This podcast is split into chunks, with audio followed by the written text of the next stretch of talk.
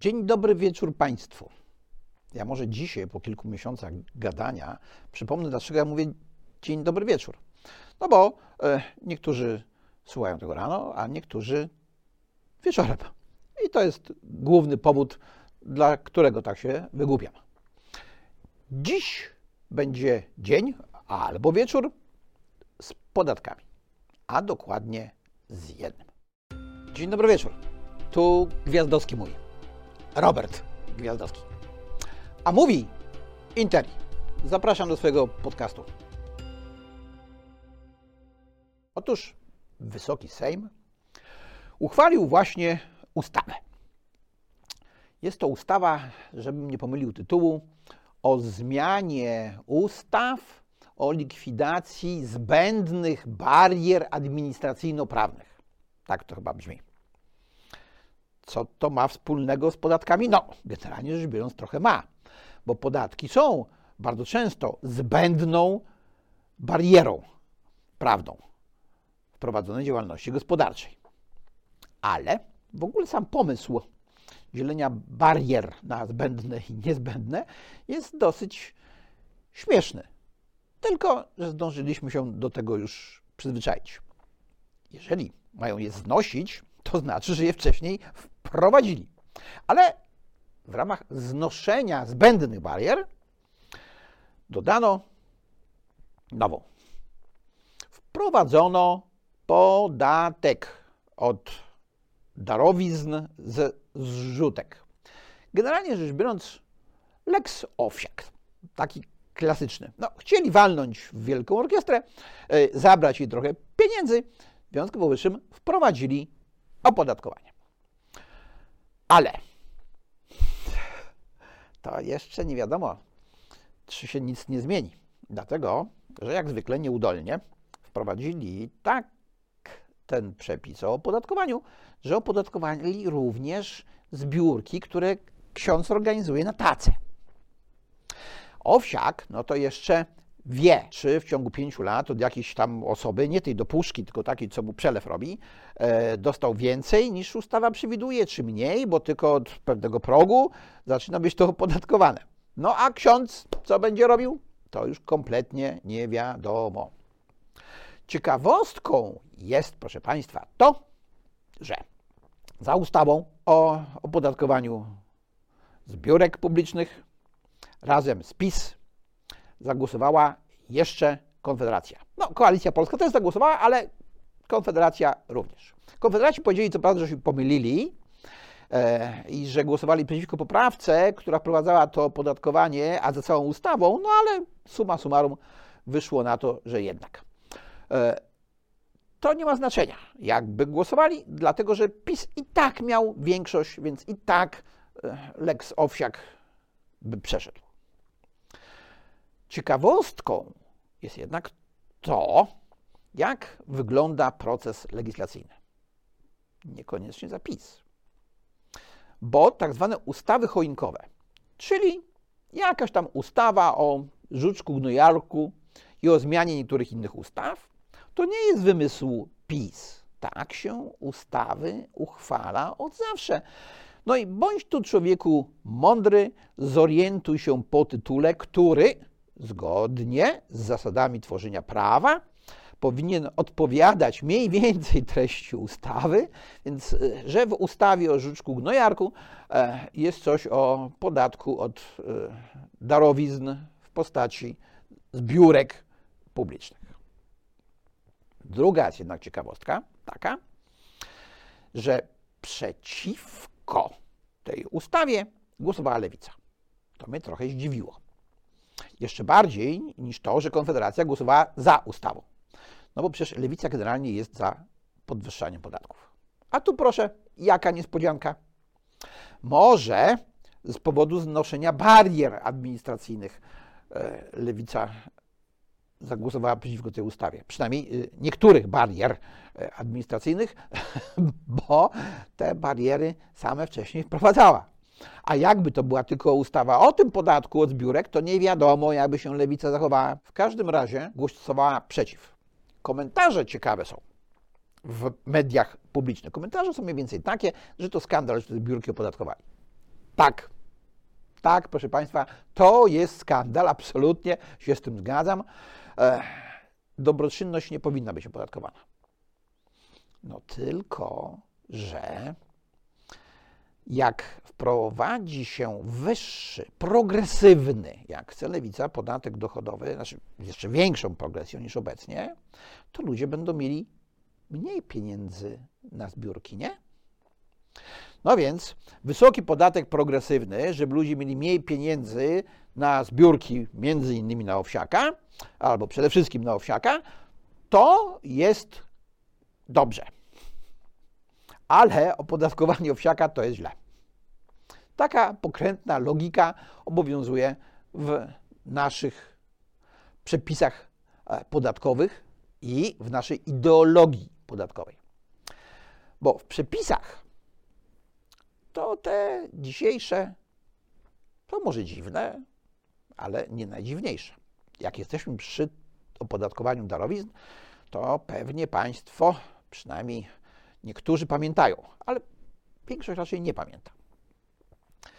W ustawie o podatku dochodowym, tej uchwalonej w 1991 roku, która weszła w życie w 1992, był taki artykuł 26, znaczy w dalszym ciągu jest, tylko jest zmieniony, e, i tam w ustępie 1 była mowa o tym, że od podstawy opodatkowania, czyli od dochodu, który jest podstawą opodatkowania, odlicza się między innymi darowizny. Na różne cele. Wzniosłe cele, ale bez ograniczenia dla kogo. W 92, 3, 4 roku to tylko ci najbardziej wtajemniczeni odliczali sobie od podstawy e, opodatkowania darowiznę, na przykład dla własnych dzieci e, albo dla cudzych, a ci drudzy darowali naszym. Tak to sobie chodziło, aż w końcu mleko się rozlało bo chyba w 96 roku wszyscy się nagle dowiedzieli, bo napisali o tym w gazetach, powiedzieli w radio, w telewizji, możecie się ludzie obdarowywać. No i wszyscy żeśmy się obdarowywali. E, co prawda to było tak, że tylko do 10% tego naszego dochodu, czyli tej podstawy opodatkowania. Jak ktoś zarobił 100 tysięcy, to mógł podarować komuś 10 tysięcy i wtedy płacił podatek od 90 tysięcy, a nie od 100 tysięcy. Jak to był milion? Albo więcej. No, w 92 to jeszcze były te miliony, bo to były stare pieniądze, e, więc raczej o miliardach powinniśmy mówić, ale to mogło być sporo pieniędzy. Wybuchła generalnie draka. Ówczesna wiceminister finansów poszła do telewizji i oznajmiła, że no tak, no jest taka ulga, ale z tej ulgi to nie powinni korzystać ci, którzy nie muszą. E, jednak większość z nas uznała, że musi. Więc odliczyliśmy sobie ten podatek, znaczy od podatku tę darowiznę. Teraz jest na odwrót. Teraz nie tylko, że darowizny nie będzie można odliczyć od podstawy opodatkowania, to trzeba będzie e, opodatkować drugi raz tę darowiznę, którą się komuś podaruje. No bo jakżeż to tak? Jakbyśmy wydali na wódkę te pieniądze, to byśmy zapłacili i VAT, i akcyzę, państwo by zarobiło. No byśmy mieli jakąś przyjemność z picia wódki, e, ale państwo by zarobiło. A jak my tak komuś damy te pieniądze, no to państwo nie zarobi. Co prawda, my dajemy te pieniądze po to, żeby na przykład ktoś mógł zrobić sobie operację.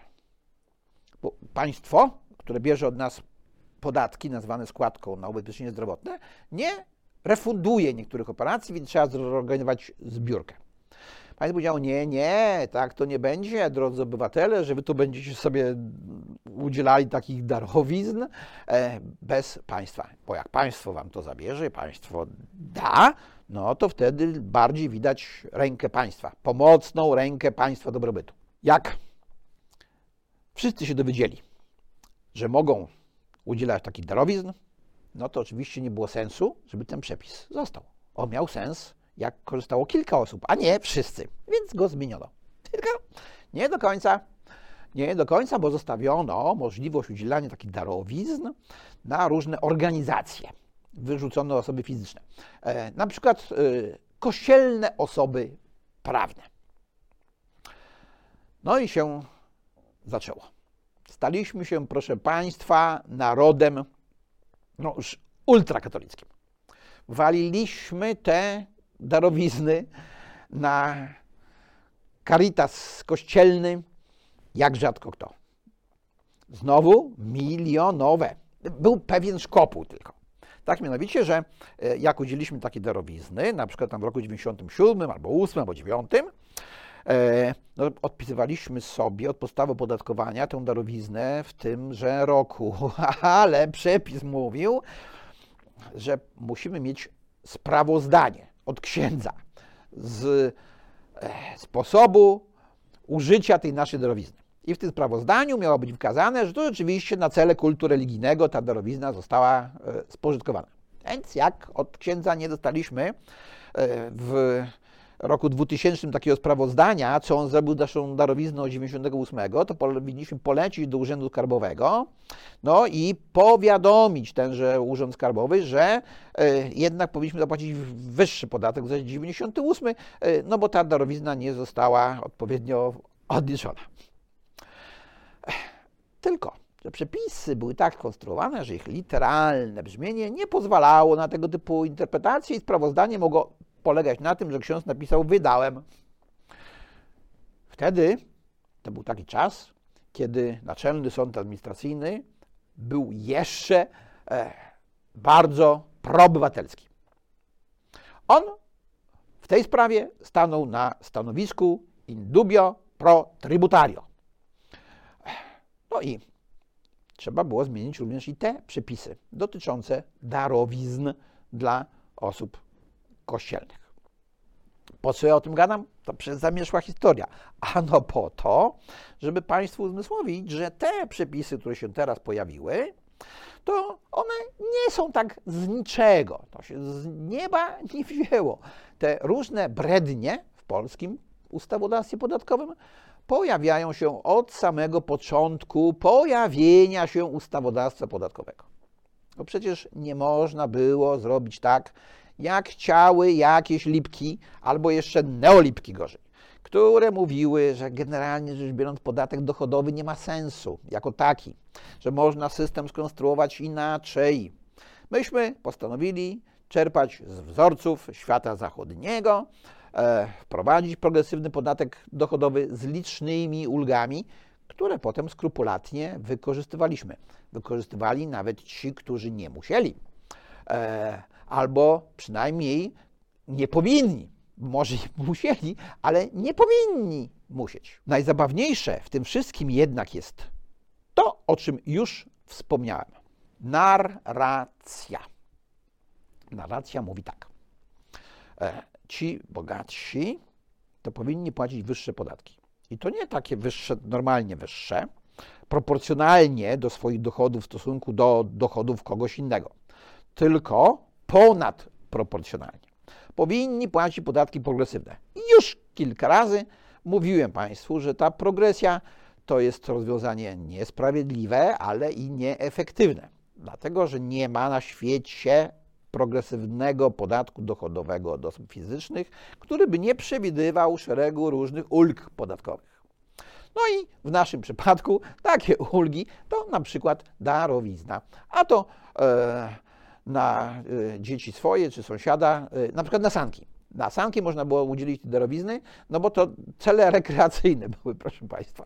E, na odnowienie ścian kościoła też można było darowizny udzielić. I państwo na tym traciło. Fakt. Fakt. To był jedyny przypadek w historii, kiedy można było powiedzieć, że te wzniosłe komentarze, ile to budżet stracił na tym, że podatnicy sobie coś odliczyli, e, były sensowne. Dlaczego? Dlatego, że odpisy od podatku czy ulgi podatkowe były kompletnie bezsensowne.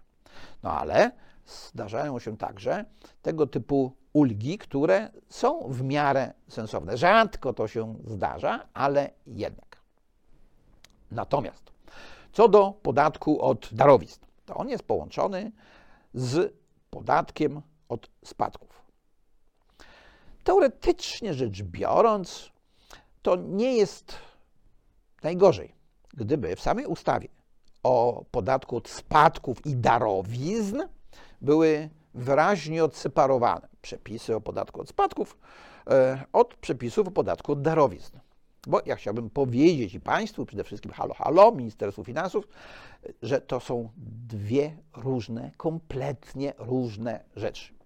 Mianowicie, podatku od spadków nie można zoptymalizować. Śmierć nie jest instrumentem optymalizacji.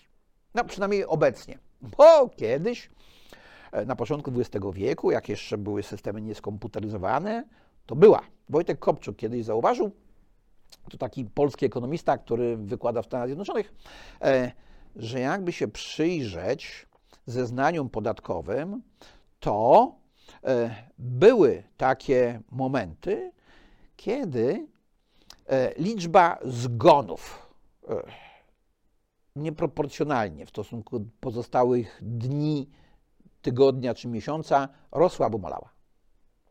Było to wtedy, gdy wchodziła w życie jakaś nowa regulacja podatkowa. Korzystna albo niekorzystna. Jak była korzystna, to umierało mniej osób, a jak była niekorzystna, to umierało więcej. No bo to były czasy, chyba też już o tym Państwu mówiłem, kiedy ludzie najczęściej umierali w domu. E, no musiał felczer przyjechać, więc jak ktoś wiedział, że od jutra będą korzystniejsze regulacje podatkowe, no to felczera wołał następnego dnia.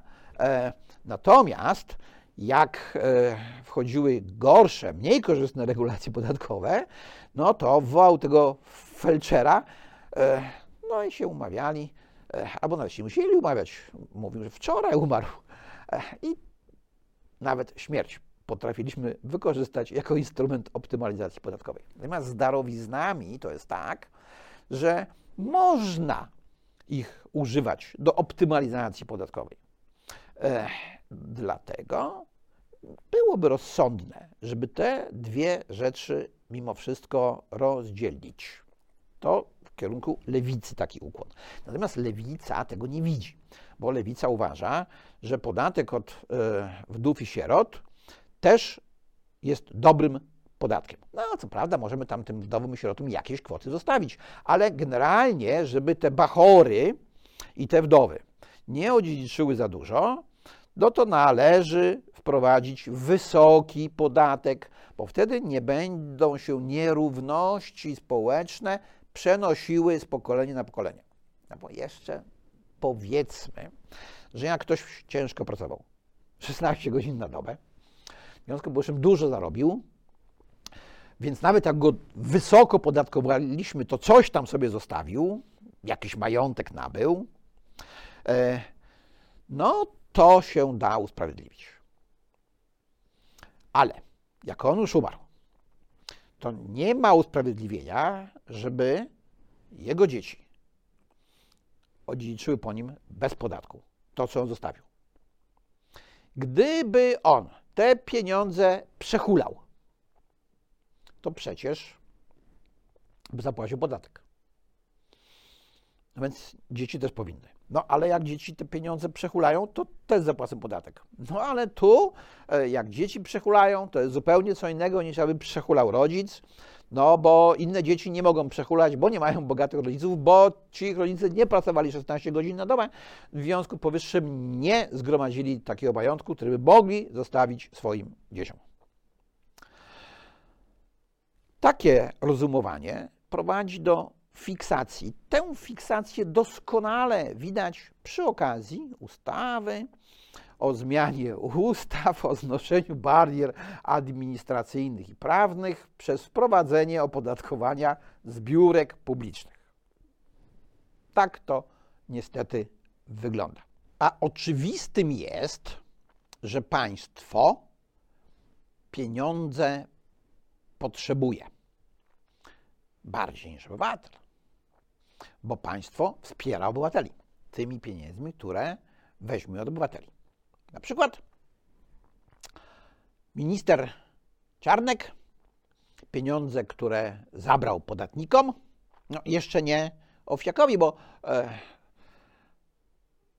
nie obowiązuje ta ustawa wstecz, aczkolwiek można sobie wyobrazić następną, która już będzie obowiązywała. Więc te pieniądze rozdał różnym fundacjom, takim y, prospołecznym, patriotycznym, które to fundacje e, kupiły od państwowej spółki nieruchomości. Tu jest duża niesprawiedliwość moim zdaniem, bo jak porównamy, jaka fundacja dostała jaką nieruchomość, na przykład te wille e, na Ursynowie albo na Żoliborzu, nie, nie, nie, nie na Żoliborzu, wymieniono je w ostatnią chwili na Saską Kępę. To też bym wolał Saską Kępę niż Żoliborz, może dlatego, że tam 15 e, lat mieszkałem, nie głupi są, nie głupi, dobrze to zrobili, dobrze to wykombinowali. E, więc państwo potrzebuje środki. I dlatego my musimy te pieniądze państwu dawać. Ale jak już pokazałem ten przykład, to go troszeczkę rozbuduję. No bo e, za byle pieniądze prywatny właściciel to swojej willi na Żoliborzu czy na Saskiej Kępie by nie sprzedał. A państwo może. Tylko pamiętacie, może, kiedy stworzono polski holding nieruchomościowy? E, to nie jest wymysł PiSu. PiS po prostu korzysta z narzędzia, które dostał od demokratycznego państwa prawnego urzeczywistniającego zasady sprawiedliwości społecznej. Państwo zamiast oddać to, co to samo państwo, no ale jeszcze komunistyczne ludziom zabrało, e, starało się nie oddawać. Znaczy, oddawało w Warszawie na przykład, ale to bardziej Warszawa niż państwo, oddawało krewnym i znajomym królika, e, nie oddawało byłym właścicielom, e, no i teraz sprzedaje. Nie rozdaje, tylko sprzedaje. Więc z punktu widzenia państwa generalnie to lepiej, bo jak Czarnek dostał pieniądze podatników, dał je tym fundacjom, a te fundacje kupiły e, nieruchomości od państwa, no to ta spółka Skarbu Państwa dostała te pieniądze, które wcześniej miało ministerstwo, ale to są w dalszym ciągu pieniądze tych podatników. Więc pozostaje w rodzinie. Ale powstaje na to pytanie, czy jest szansa, żeby się to zmieniło, żeby na przykład ci nowi rządzący, którzy mają rządzić po następnych wyborach, powiedzieli, no tak, myśmy się wtedy pomylili, myśmy ten holding niepotrzebnie ustanowili, my przeprowadzimy teraz wszystko zgodnie z, no nie prawem, bo wszystko jest zgodnie z prawem, e, tylko z zasadami jakiegoś prawa wyższego rzędu? No to oczywiście niektórzy zaraz powiedzą, jakie prawo wyższego rzędu? E, to takie neolipki albo lipki tylko się mogą posługiwać tego typu argumentem. Nie ma czegoś takiego jak prawo natury, jest tylko i wyłącznie to, co zostanie ustanowione przez państwo. No to właśnie państwo, PiS ustanawia takie przepisy i zgodnie z tymi przepisami postępuje. Niektórzy się drą, że te wille zostaną zabrane. No a jak one zostaną niby zabrane? E, skoro one zostały kupione zgodnie z obowiązującymi przepisami prawa? Wszystko można. Powstaje tylko i wyłącznie takie pytanie, czy będzie chęć, czy będzie raczej więcej chęci, żeby pójść tym samym tropem, którym w tej chwili podąża PiS. Ja raczej jestem sceptyczny. E, od kilku miesięcy ciągle Państwu powtarzam, że państwo to jest wróg Albert Jaynock napisał tą książkę Our Enemy, the State. Państwo jest naszym wrogiem. Od państwa możemy się spodziewać raczej więcej złego niż dobrego, bo państwo rozszerza swoje kompetencje.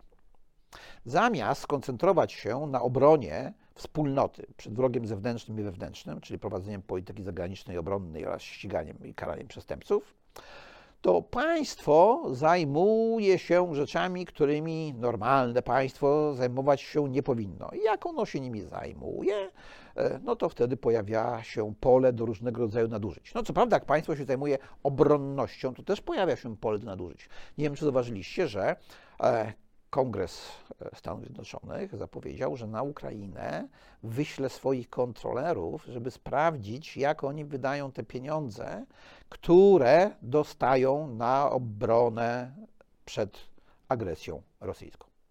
No bo niestety to jest tak, że w czasie wojny z jednej strony ujawniają się bohaterowie, którzy dzielnie walczą z najeźdźcą, ale ujawniają się też różnego rodzaju szumowiny, które kradną po prostu. Więc nie sposób wykluczyć, no, statystycznie rzecz biorąc, patrząc na historię, e, byłoby to bardzo ryzykowne wykluczenie, że na Ukrainie też kradną. E, Zobaczymy, co wyjdzie z tego audytu. Ale o wiele więcej, bo wojny to zdarzają się co jakiś czas, można ukraść w czasie pokoju. Dlatego, że on jest dłuższy. Więc nie dlatego można ukraść więcej, że y, raz, e, a dobrze, tylko właśnie dlatego, że jest to proces rozłożony w czasie. U nas ten proces rozłożenia w czasie trwa i trwa. Płacą za to podatnicy. Ostatnio w analizowanej właśnie specjalnie dla Państwa e, ustawie o zmianie ustaw o znoszeniu niektórych barier e, prawnych i administracyjnych.